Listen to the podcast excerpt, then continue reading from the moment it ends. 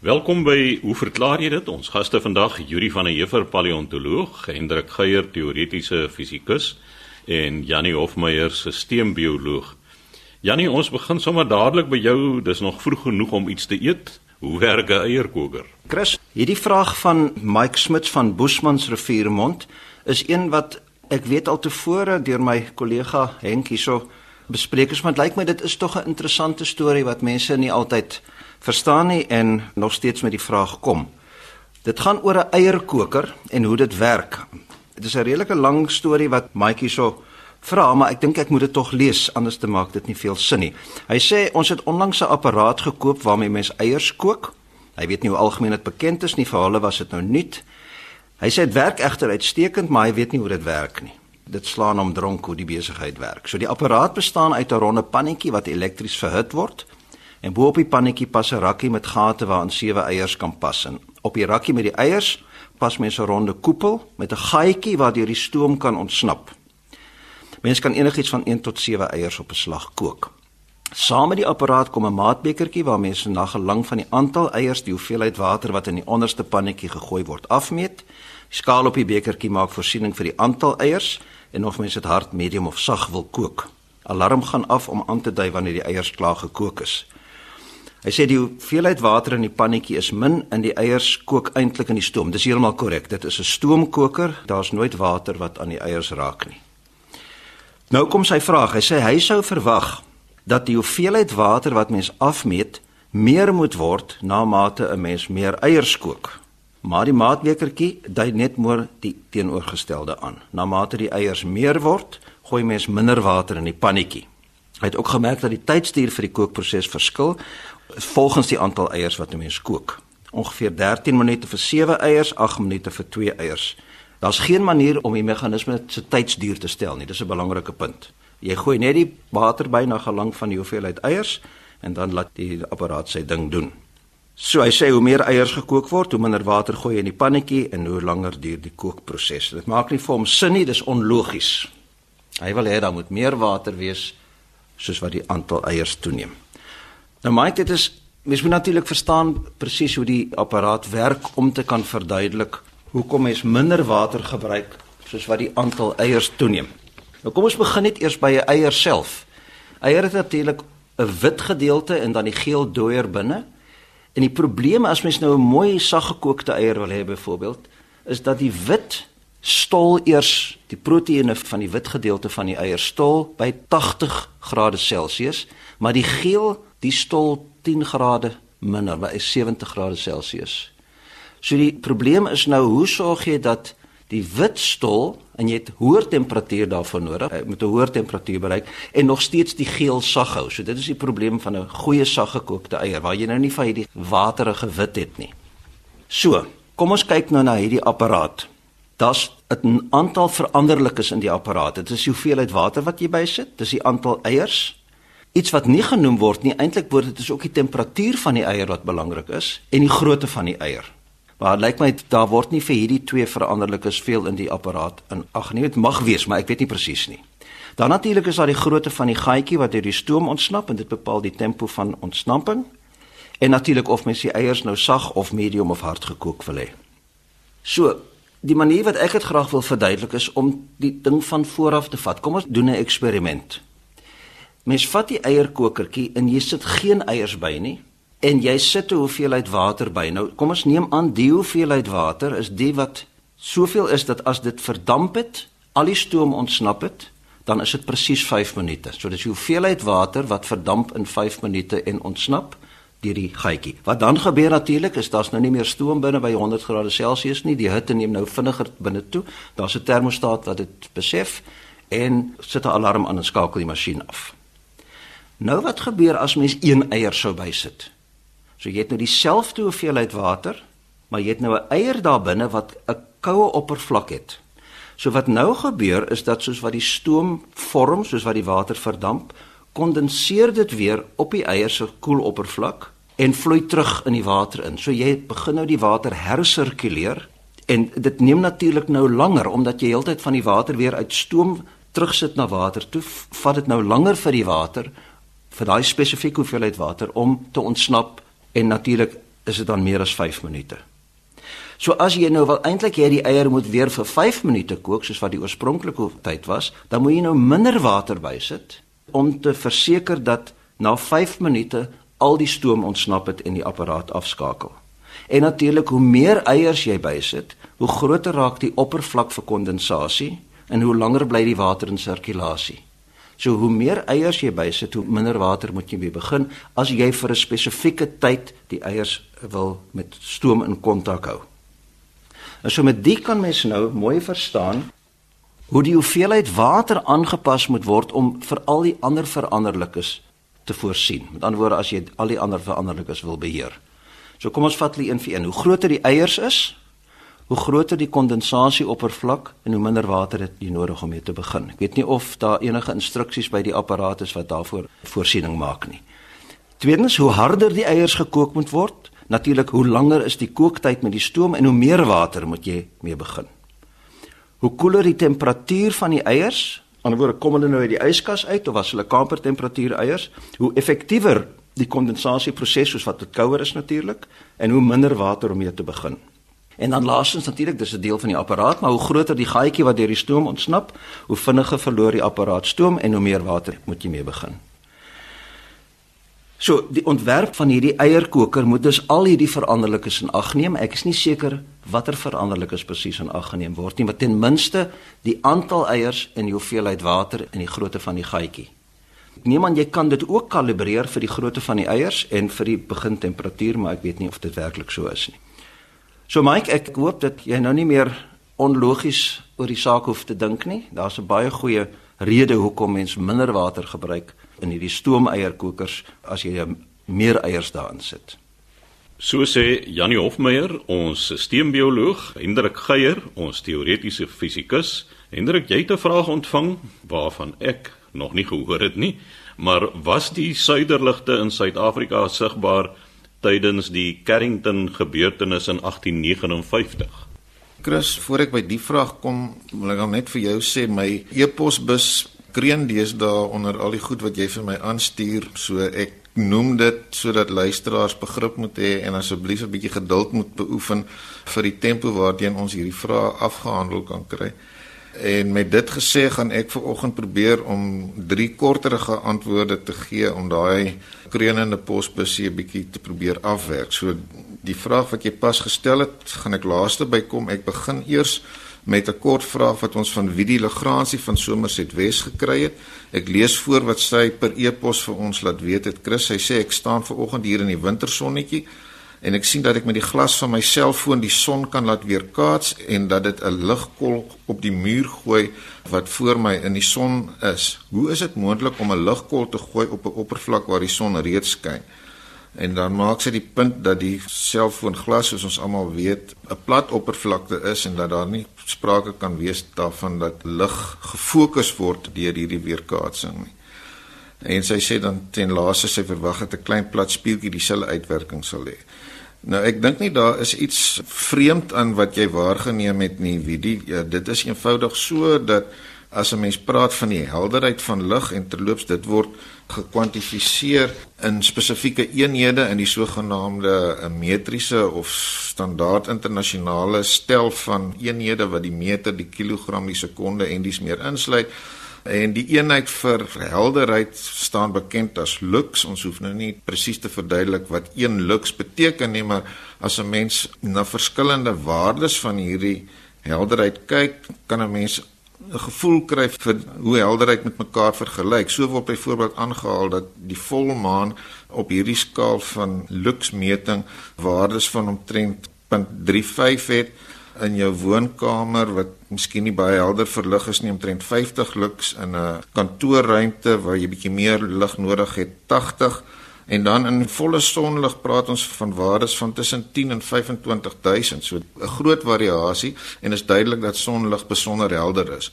Nou ek het 'n uh, eenvoudige eksperiment gedoen om met jou te deel. Nou die dag in my woonkamer het ek die sonlig laat inval deur die gordyn weg te skuif dan 'n ligstreep op die mat vorm. So wat jy aanvanklik sien is 'n dowwer deel van die mat en dan waar die son direk op skyn. En toe het ek 'n ronde spieël gevat, ook 'n plat spieël en so in die son gehou dat 'n ronde ligkol presies op die skeiding tussen hierdie twee dowwe en helder dele val en wat jy dan sien is 4 grade van helderheid die oorspronklike dowwe deel dan die gedeelte waar die helfte van die spieël ekstra lig besorg dan die oorspronklike ligdeel en dan die helderste deel waar die helderheid bepaal word deur die sonlig wat direk op die mat skyn plus dit wat toegevoeg word deur die weerkaatsing van die spieël. So al wat 'n mens hierdeur sê is dat die helderheid is iets wat uiteindelik deur ons waargeneem word en dit is ook in absolute terme so as iets wat kumulatief geregistreer word. So as jy meer bronne van lig het wat op dieselfde kolletjies skyn, gaan jy iets sien wat helderder is en dis al wat besig is om te gebeur as jy die ekstra lig van die weerkaatsing toevoeg tot waarna jy ook al kyk. So as jou verwagting was dat die son die muur sodanig verlig dat die ekstra weerkaatsing wat jy toevoeg nie effek het nie, is dit net 'n verkeerde verwagting want jy's eintlik besig om nog lig toe te voeg, met ander woorde om daardie deel wat van die weerkaatsing afkom nog helderder te maak. Chris, dan sit ek hier al 'n geruime tyd met 'n vraag van iemand wat mooi versoek het dat ons sy of haar naam nie uh, bekend maak nie. En vooraf stel sy die volgende. Sy sê ek is by my volle positiewe my sig is skitterend en ek het nie gedrink toe ek gesien het wat ek nou vir jou gaan beskryf nie en nou het sy hier 'n datum ek sal dit ook verswyg waar sy sê ek sit ouer gewoonte toe op die stoep van my gastehuis hoog teen een of ander koppie en ek was op pad om wat ek dikwels doen swewende arende dop te hou. Dit was oor die 30 grade, die lug was blou, wel met so 'n dowwe vaal stukkie tussenin, so asof daar iewers 'n brand was. Maar daar was beslis nie 'n brand nie, maar die lug het so sy sê of hy sê dik gevoel. Eindelik het 'n arend sy opwagting gemaak en terwyl ek nou in die rigting van Sissenso Berge na hom gesit en kyk het, het die arend in 'n nou band begin sirkel. Die oomblik wat sy sterkant die linkerkant se draai van hierdie sirkel ingaan, het ek hom uit sig verloor, maar dan het hy aan die agterkant van die sirkel weer verskyn en so het dit aangehou. Elke keer het hy vir 'n oomblik verdwyn en dan weer sigbaar geword. Nou vir die deel dink ek sou my eenvoudige verklaring wees dat soos wat die arend draai is die oppervlak wat na jou toe wys wanneer jy waarneem of jy nou goed sien of nie, raak wel kleiner en ek vermoed dit raak miskien net so klein dat jy relatief tot wat jy vir 'n oomblik tevore as die arend geregistreer het, nou net 'n kant aansig van die arend het en onder die omstandighede of deur vergelyking onwillekeurig of deur werklike nie registrasie nie net nie dieselfde beeld sien nie. En ek dink jy vorm eintlik daardie storie in jou gedagte oor wat jy besig is om te sien en hoe jy dit vertolk. En ek het 'n vermoede in daardie storievorming word die klem op die kleiner voorwerp eenvoudig uitgeskuif sodat jy praat van iets en niks eerder as iets en iets heelwat kleiner. Dit is maar net 'n 'n gedagte, maar dan kom nou die verdere deel van die storie Chris. Die persoon sê daar kom toe 'n vliegtyg oorgevlieg wat ek ook al die pad kon volg. Toe die vliegtuig kilometers verder in lyn met die arend begin kom, sien ek 'n bolvormige lug om die vliegtuig opbou so vergelykbaar met 'n seepbel wat dan uiteindelik bars sodra die vliegtuig se stert byna daardeur was. Behalwe in die geval het dit gelyk of hierdie seepbel na binne plof. Dit het 3 maal gebeur voordat die vliegtuig oor die berge verdwyn het. Alhoewel kilometers verder kon ek die vliegtuig die hele tyd volg terwyl die arend bly verdwyn het sodra hy links omgedraai het. Nou ek vermoed wat hierdie luisteraar nou hier voorhou Chris is dat die siglyn op 'n stadium na waar die arend was en waar die vliegtuig was in dieselfde rigting was en dat daar miskien 'n atmosferiese verskynsel naby die vliegtuig was wat sy nou hier beskryf, maar dis duidelik twee totaal onafhanklike gebeurtenisse. So ek dink nie wat die persoon by die vliegtuig gesien het kon enigsins te maak gehad het met wat hy of sy by die arend waargeneem het nie. Hoe ook al ek het probeer kopkrap oor watter soort atmosferiese verskynsel 'n mens sou kon bedink wat hierdie illusie van 'n inploffende seepbel om die vliegtuig kan vertaal. 'n Mens sien natuurlik dikwels fotos van vliegtye wat deur die klankgrens gaan waar daar 'n lokale kondensasie rondom die vliegtyg plaasvind en as dit ware soort van 'n wolk om die vliegtyg vorm, maar ons weet kommersiële vliegtye vlieg beslis stadiger as klankspoed, so dit kan nie so iets wees nie. Daar is natuurlik uh, onder normale omstandighede sogenaamde kom ons noem dit maar lugsakke wat vorm in die atmosfeer wat by verskillende digthede en temperature is, maar ek weet nie of dit so 'n drastiese visuele waarneming soos wat die persoon hier beskryf tot gevolg kan hê. So my antwoord ongelukkig is ek het nie die vaagste benul wat by die vliegtyg gebeur het nie.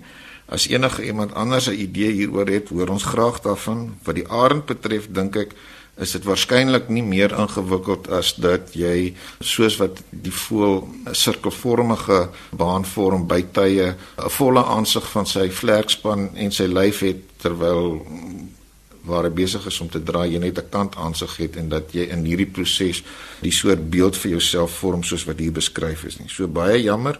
Ek het ten minste hopelik geslaag daarin om nie die persoon te identifiseer nie en die vraag aan die orde te stel. Ek miskien 'n mooi analogie vir die arend storie is as jy jou, jou hand voor jou uitstrek en na jou palm kyk sodat die palm na jou aansig is en jy begin jou hand draai, dan gaan daar 'n punt wees wat jy na die sykant van jou hand kyk. Nou as jou hand al hoe dunner is, dan gaan daar 'n tyd wees waar jy skielik niks kan sien nie en soos jy hom verder draai, begin jou palm op die agterkant van jou hand nou. Daar sal mens nou met een volle rotasie twee keer in daai situasie wees wat jy amper niks sien. Presies so, ek het 'n vermoede dit kom baie na aan die volle verduideliking van hierdie waarneming. Nou Chris, nou moet ek laastens aandag gee aan die vraag wat ons van Ferdinand van Sail van Bethlehem gekry het. Dis 'n persoon wat vir ons per e-pos laat weet dat hy 'n uh, paar jaar gelede tydens omswervinge die noorderligte gesien het en toe het hy gewonder of die suiderligte al in historiese tye in Suid-Afrika gesien is. Nou ons weet dat onder normale omstandighede is hierdie noorder en suiderligte net in die omgewing van die poolstreke sigbaar en ons het dit al bespreek dat dit daarmee te maak het dat by die pole die aarde se magneetveldlyne, as mens dit as 'n voorstelling wil gebruik, digter op mekaar is en meer effektief kosmiese deeltjies invang wat op hulle beurt die atmosfeer kan ioniseer en die lig wat daar vrygestel word afhangende van watter element in die atmosfeer of molekules geioniseer is of dit nou ozon is of stikstof na gelang daarvan het dit 'n geassosieerde kleur. So dit net baie kortliks oor die noorder en suiderligte. Nou waarna Ferdinand hier verwys is 'n gebeurtenis in 1859 wat deur 'n Britse sterrekundige klaarblyklik in reële tyd deur 'n teleskoop waargeneem is terwyl hy die son aan dit bestudeer was, was daar 'n geweldige son uitbarsting gewees. Nou dit is goed wat periodiek voorkom en afhangende van hoe drasties hierdie uitbarstings is en dit sien 'n mens deesdae in besondere detail in fotos wat hier oorgeneem het. Dit, dit gee aanleiding tot geweldige ligvakkels wat op die oppervlak van die son verskyn. Die uitbarstings gaan gepaard met ewige uitstraling van onder andere X-strale, maar ook dit wat ons gewoonlik net kosmiese deeltjies noem, protone en elektrone wat in die ruimte uitgespoeg word as dit ware en afhangende van hoe ewig hierdie uitbarsting is, kan 'n mens die effek daarvan uiteindelik ook hier op aarde waarneem. Nou klaar blyklik was hierdie gebeurtenis in 1859 een van die heel grootste indien nie die grootste uitbarsting op die sonoppervlak wat nog ooit waargeneem is nie. En die vermoede is as iets op daardie skaal vandag moet gebeur, dit kommunikasie wat met elektrisiteit en elektronika te maak het aansienlik kan beduiwel. Dit was in elk geval die geval al reeds in 1859 gewees en een van die effekte van hierdie uitbarsting was dat oor 'n paar dae telekommunikasie verbindings tot so 'n mate ontwrig is dat dit glad nie kon gebruik word nie. Nou, dit is omdat elektrone en protone is gelaaide deeltjies en hulle het duidelike invloed op strome in elektriese en elektroniese stroombane en kan die normale werking affekteer. Nou wat interessant is as 'n mens gaan kyk waar waarnemings hiervan opgeteken is, is daar baie gedetailleerd soos 'n mens kan verwag in die noordelike halfrond hieroor gedokumenteer. En die intensiteit van hierdie uitbarsting het meegebring dat in die noordelike halfrond hierdie noorderligte baie verder suid waargeneem is as normaalweg met ander woorde verder suid in Europa en selfs Noord-Afrika en in die suidelike halfrond is dit redelik goed gedokumenteer in Australië so ver noord soos Brisbane byvoorbeeld wat verder noord van die suidpool af is as Kaapstad. So mense verwag onder daai omstandighede moes daar iets hier in die Kaap ook sigbaar gewees het. Nou ek het gaan kers opsteek by professor Brian Warner, een van Suid-Afrika se bekendste sterrekundiges en ook 'n persoon wat al oor verskeie uh, stukke geskiedenis in die astronomie in Suid-Afrika in detail geskryf het. En hy het vir my gesê sover hy weet is daar geen waarneming aan die Kaap opgeteken hieroor nie. En ek het myself gevra waarom is dit so as dit in in Australië dan so duidelik sigbaar was? En my enigste verklaring is as 'n mens kan kyk na die datums waar hierdie uitbarsting plaasgevind het, dit was 28 Augustus tot 3 September. Nou dit mag miskien net wees dat die Kaap van storms op daardie stadium uh, inderdaad onder stormweer deurgeloop het anders as wat deesdae die geval in die winter hier is en dat mense net eenvoudig nie die hemelruim kon bestudeer onder daardie omstandighede nie. Maar dit bring jou dan by die vraag as dit dan so 'n geweldige effek op telekommunikasie of telegraafkommunikasie van daai tyd gehad het, hoekom is dit nie in die Kaap waargeneem nie? En interessant toe ek dit probeer naspoor, kom ek af op inligting wat beduie dat die Kaap se eerste telegraafmasjien in operasie was op 2 Desember 1859 met ander woorde 'n paar maande na hierdie uitbarsting. So daar was geen manier waarop die uitbarsting telegrafiese dienste aan die Kaap kon beïnvloed het nie. Terloops net sommer vir interessantheid daardie heel eerste telegraaf was glo van die kantoor dit was 'n privaat installasie gewees van van ene Thomson Watson and Company na die huis van ene meneer Pickering in Rodebloem en die boodskap was ship coming in with deals do you want any? Nou ek weet nie wat was meneer Pickering se reaksie nie maar dit is die histories gedokumenteerde eerste telegram as dit ware wat in Suid-Afrika gestuur is. En in April 1860 is die eerste openbare telegraaflyn tussen Kaapstad en Simonstad in werking gestel. So Christ, my antwoord aan Ferdinand is niemand kon gedokumenteerde waarnemings van die Carrington gebeurtenis aan die Kaap bevestig nie. Dis miskien tog interessant as iemand tyd het en weet waar om te gaan grawe, sou iemand dalk verder hierdie situasie kon toelig deur in die argiewe te gaan rondkrap oor wat is in 1859 tussen 28 Augustus en 3 September hoegenaamd opgeteken oor enige iets en of daar dalk eers 'n stukkie inligting is wat meer lig hierop kan werp. So al wat ons kan sê is ons hoop nie nog 'n Carrington gebeurtenis tref ons in moderne tye nie want dan sal ons moet bond staan rondom kommunikasie. So sê Hendrik Geier, ons teoretiese fisikus. Volgende aan die beurt, Yuri van der Heever, ons paleontoloog. Nou Yuri, jy klaar blyklik ook 'n in mandjie wat besig is om op te hoop en jy wil 'n bietjie terugvoer lewer op wat jy van die luisteraars ontvang het. Chris, 'n uh, paar mense het terugvoering gegee onder andere uh, Nico Swart van Port Elizabeth. Hy het laat weet dat die antwoord wat ons in een program gegee het oor houtluim vir hom baie interessant gewees het. En ek weet toevallig Nico Swart is een van die voorste houtdraaiers in Port Elizabeth en hy het waardering uitgespreek daarvoor. Dan het daar 'n brief aangekom van Arlight Herb wat jou gelukwens met die program en sê good day Chris to you and your wonderful team of experts. Grateful thanks for your excellent program on Sunday mornings. I have been listening to you for many years and pray that we will be able to do so for many more in the future. Blessings and best wishes van Arlight Herb. En Leon van Witrivier in Mpumalanga het laat weet nou hy het allerhande oulike goed hier geskryf wat ek nou nie gaan uh, lees nie.